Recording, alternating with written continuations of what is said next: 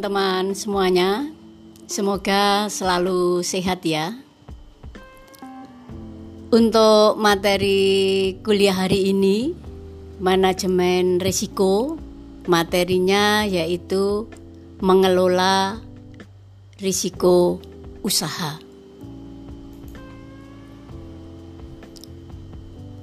Risiko usaha bisa diartikan sebagai ketidakpastian atas terjadinya suatu peristiwa atau ketidaktentuan yang menimbulkan peristiwa kerugian. Juga bisa diartikan menyangkut situasi di mana terdapat suatu kemungkinan terjadinya hasil yang tidak menguntungkan.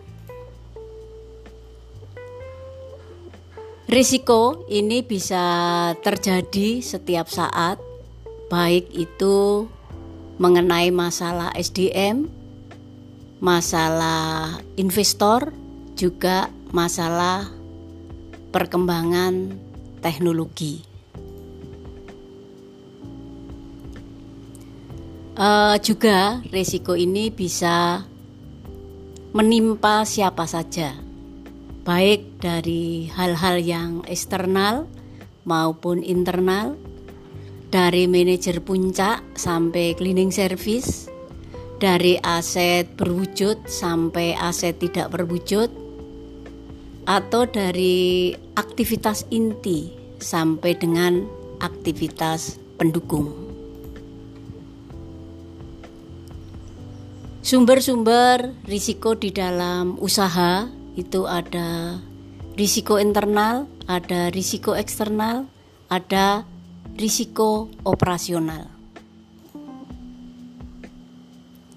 Untuk yang risiko internal ini uh, bisa terjadi pada risiko manusia, misalnya penyakit dan kematian. Di mana uh, ketika pemilik bisnis atau karyawan mungkin sakit selama sehari atau tidak bisa bekerja selama berbulan-bulan ini akan menimbulkan suatu risiko atau juga kematian seseorang yang terlibat di dalam bisnis ini akan menimbulkan risiko untuk keberlanjutan usaha. Risiko yang berhubungan dengan manusia ini juga ada pencurian dan penipuan.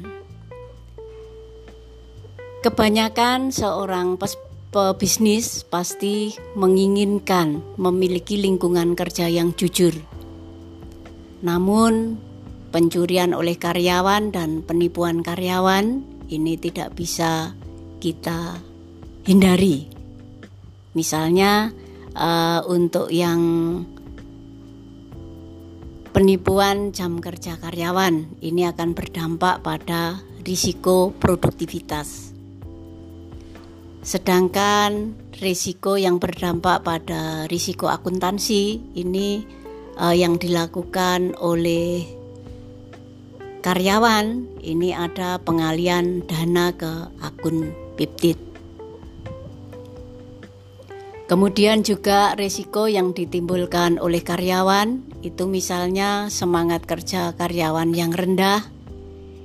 Ini e, membuat karyawan yang tidak bahagia juga bisa akan mengeluarkan biaya risiko misalnya kelalaian atau melalui tindakan yang disengaja.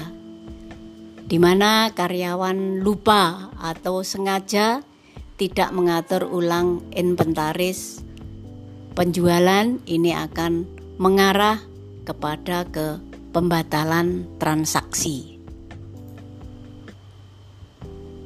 Kemudian kalau tadi risiko eksternal ya, ini yang risiko internal. Ini ada risiko peralatan dan teknologi informasi. Untuk yang risiko peralatan uh, peralatan yang sudah lama atau yang sudah tua ini dapat uh, membuat pekerjaan di dalam usaha ini berjalan akan lambat. Atau untuk yang peralatan yang sudah lama atau sudah tua ini akan membutuhkan perawatan yang lebih peralatan yang baru. Kemudian juga eh, peralatan baru ini mungkin memerlukan penyesuaian untuk pekerja atau di dalam bekerja dengan peralatan yang sudah lama atau peralatan yang sudah tua. Untuk yang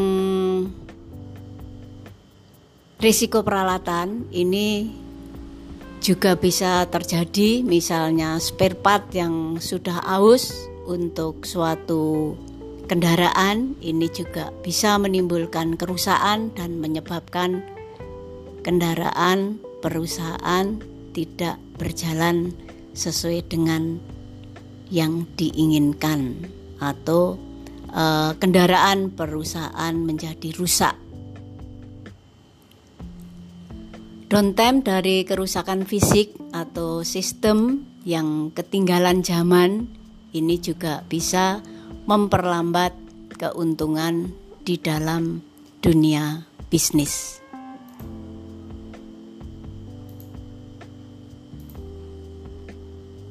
Itu tadi untuk risiko internal.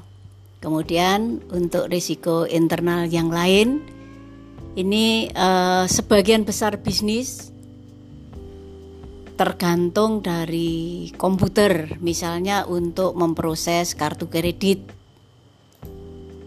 Ini yang berhubungan dengan risiko teknologi informasi.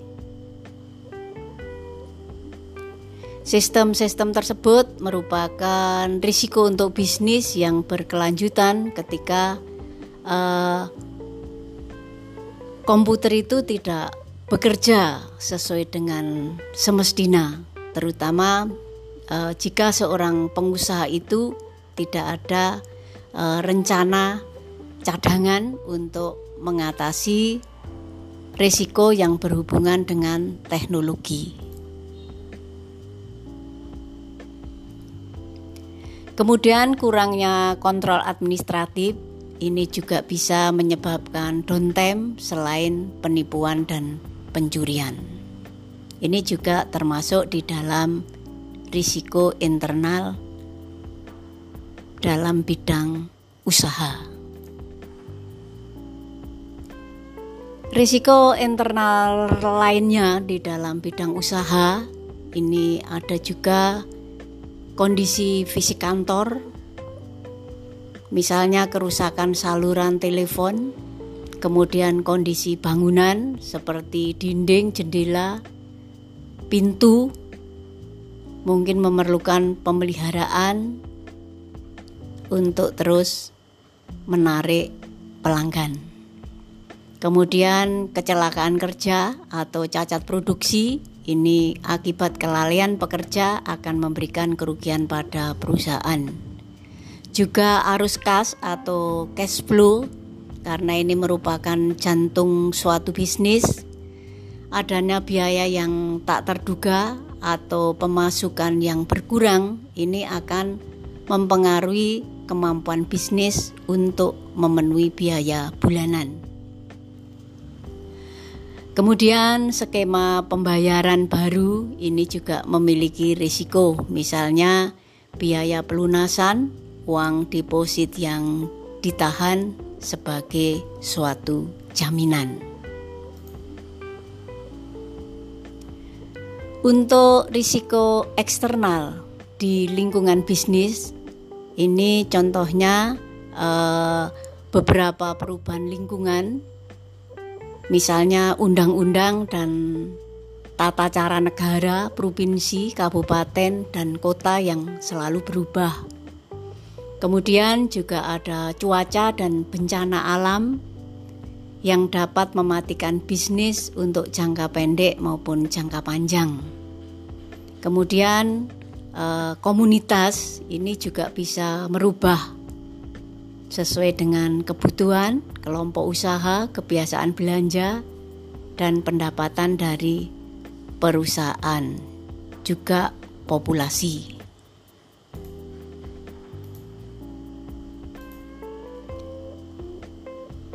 Yang ketiga, risiko di dalam bidang usaha yaitu risiko operasional. Risiko operasional mempunyai dimensi yang luas dan kompleks dengan sumber risiko yang merupakan gabungan dari berbagai sumber yang ada dalam organisasi, yaitu proses kebijakan, sistem, teknologi, orang, dan lain sebagainya. Kemudian risiko operasional ini juga bisa berpotensi adanya penyimpangan dari hasil yang diharapkan karena tidak berfungsinya suatu sistem sumber daya manusia, teknologi, dan juga faktor yang lainnya. Pada umumnya, risiko operasional ini bersumber dari masalah internal perusahaan yang disebabkan oleh lemahnya kontrol manajemen yang dilakukan oleh pihak internal perusahaan. Bentuk-bentuk risiko operasional di dalam bidang usaha ini ada kecelakaan kerja, ada kesalahan dalam pembukuan secara manual, kemudian kesalahan pembelian barang dan tidak ada kesepakatan bahwa barang yang sudah dibeli dapat ditukar kembali. Juga eh, adanya kerusakan peralatan pabrik. Itu tadi eh, bentuk-bentuk risiko operasional di dalam dunia usaha. Oke kawan kita break dulu nanti kita lanjutkan ke sesi berikutnya.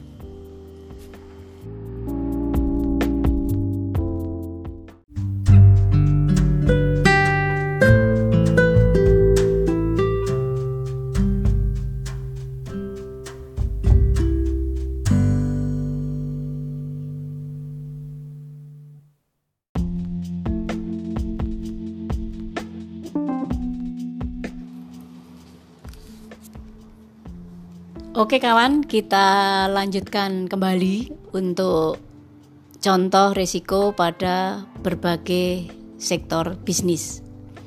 Ini ada sektor bisnis pertanian dan perikanan, kemudian sektor makanan dan minuman, sektor penjualan kendaraan, kemudian ada bisnis online.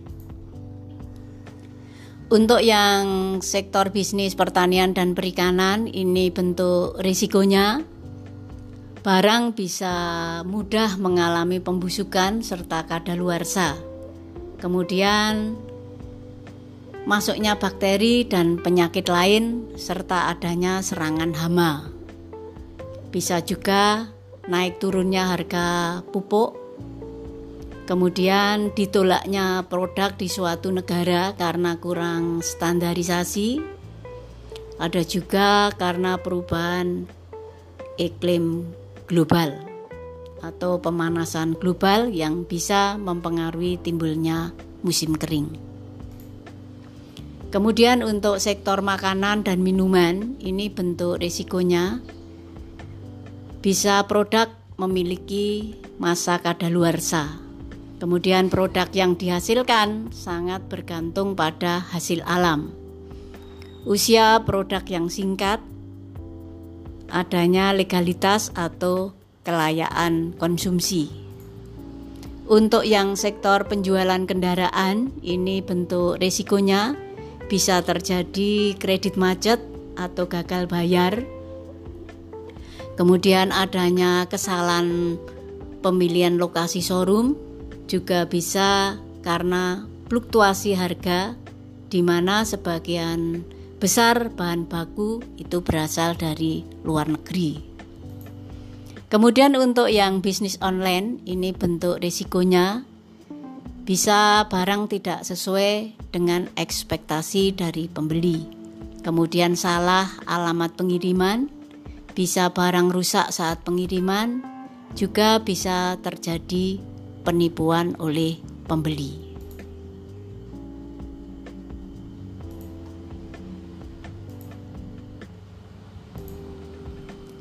Risiko di dalam usaha bisnis yang lain ini juga bisa dipengaruhi karena pembangunan dan pengembangan usaha yang tidak lancar. Kemudian investasi yang tidak aman. Ada juga produktivitas di bawah standar. Kemudian ada kerugian sehingga ini akan mengakibatkan pengembalian kredit tidak lancar bisa juga karena adanya konflik dengan masyarakat. Kemudian ada juga tuntutan hukum.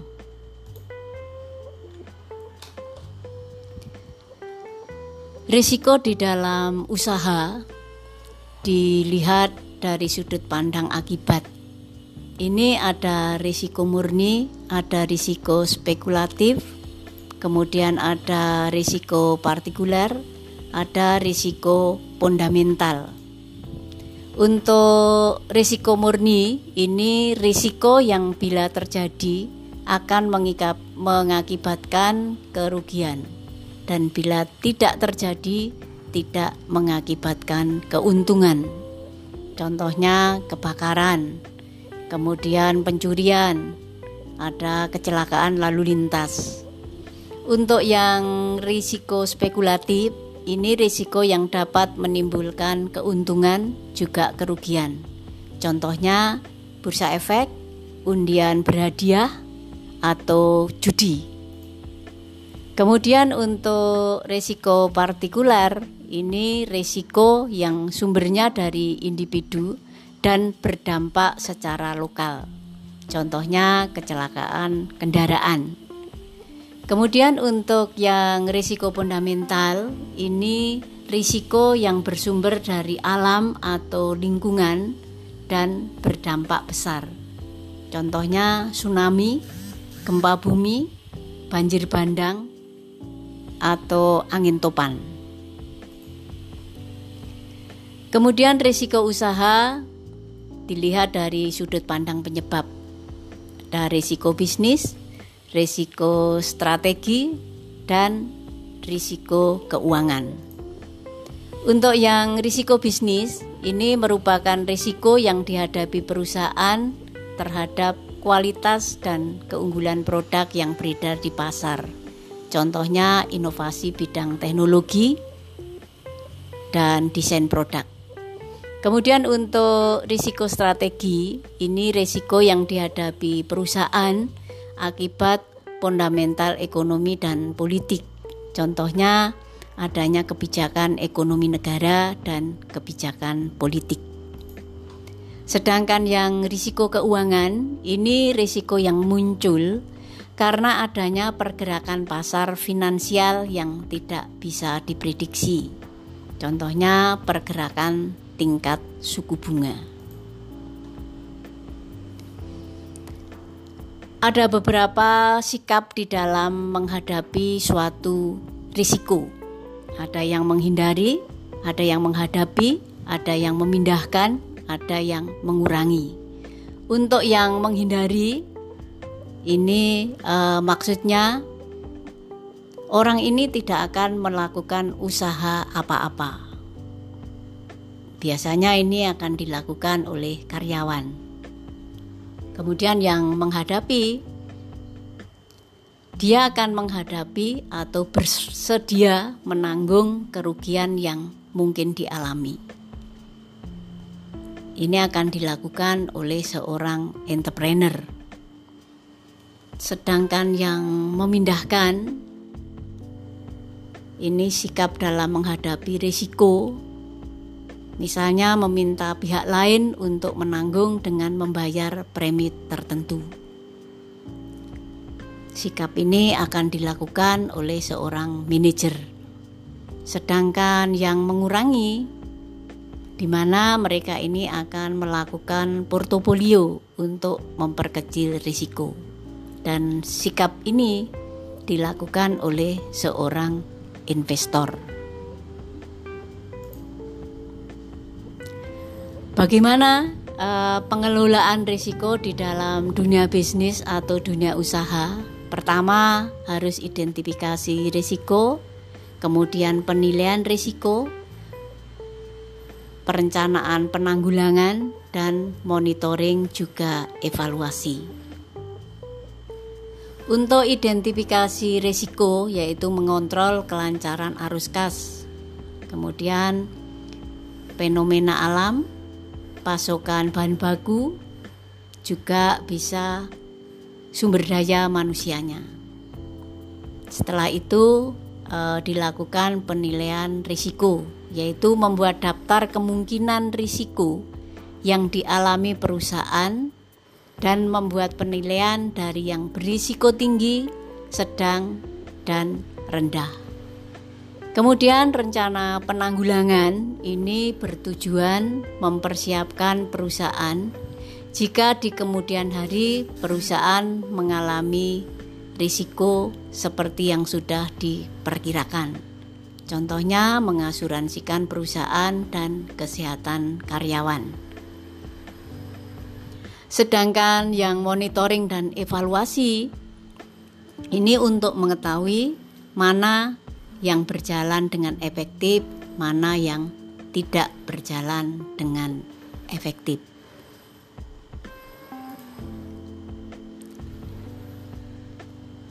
Bagaimana kita mengkalkulasi suatu risiko bisnis. Ini ada contohnya frekuensi kali dengan dampak. Frekuensi itu maksudnya seberapa sering terjadi uh, di dalam risiko usaha. Misalnya, Anda memiliki risiko terjadinya pencurian barang dagangan dan setelah diidentifikasi risiko tersebut adalah lima kali dalam satu bulan di dalam setiap kejadian rata-rata kerugian yang ditanggung 300 ribu rupiah. Kemungkinan prediksi kerugian 5 kali 300 ribu sama dengan 1.500 ribu rupiah. Artinya, dalam satu bulan ini terdapat risiko pencurian barang dagangan yang berpotensi menyebabkan kerugian sebesar juta ribu rupiah.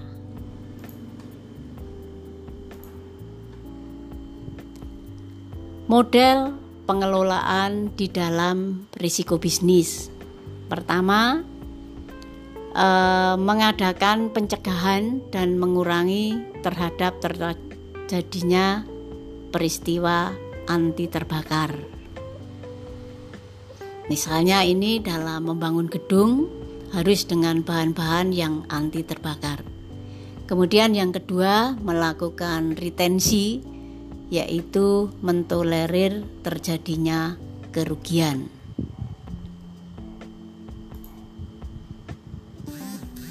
Contohnya ada pos biaya yang tidak terduga dimasukkan di dalam anggaran perusahaan. Kemudian yang ketiga melakukan pengendalian terhadap risiko. Contohnya melakukan perdagangan berjangka untuk menanggulangi risiko kelangkaan. Dan yang keempat, memindahkan risiko kepada pihak lain yaitu melakukan kontrak pertanggungan dengan perusahaan asuransi dengan membayar jumlah premi yang sudah ditetapkan. Bagaimana monitoring dan pengendalian risiko di dalam usaha?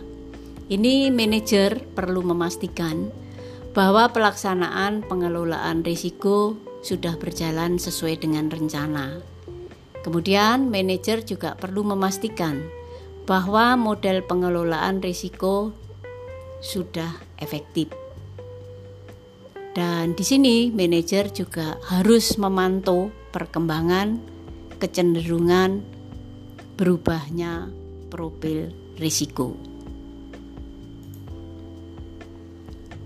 Ada beberapa tips praktis di dalam pengendalian risiko usaha, di mana kita harus paham bahwa risiko yang kita hadapi bukanlah penghambat seseorang untuk maju. Kemudian, kita tidak perlu panik, dan dari risiko-risiko yang sudah teridentifikasi di atas, maka kita bisa menentukan seberapa sering risiko tersebut muncul. Dan kita harus menentukan seberapa besar kemungkinan dampak risiko yang terjadi dari risiko yang sudah diidentifikasi tersebut.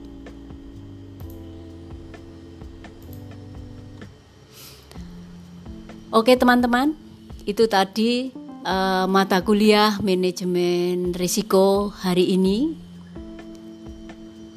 Terima kasih buat kebersamaannya dan saya akhiri.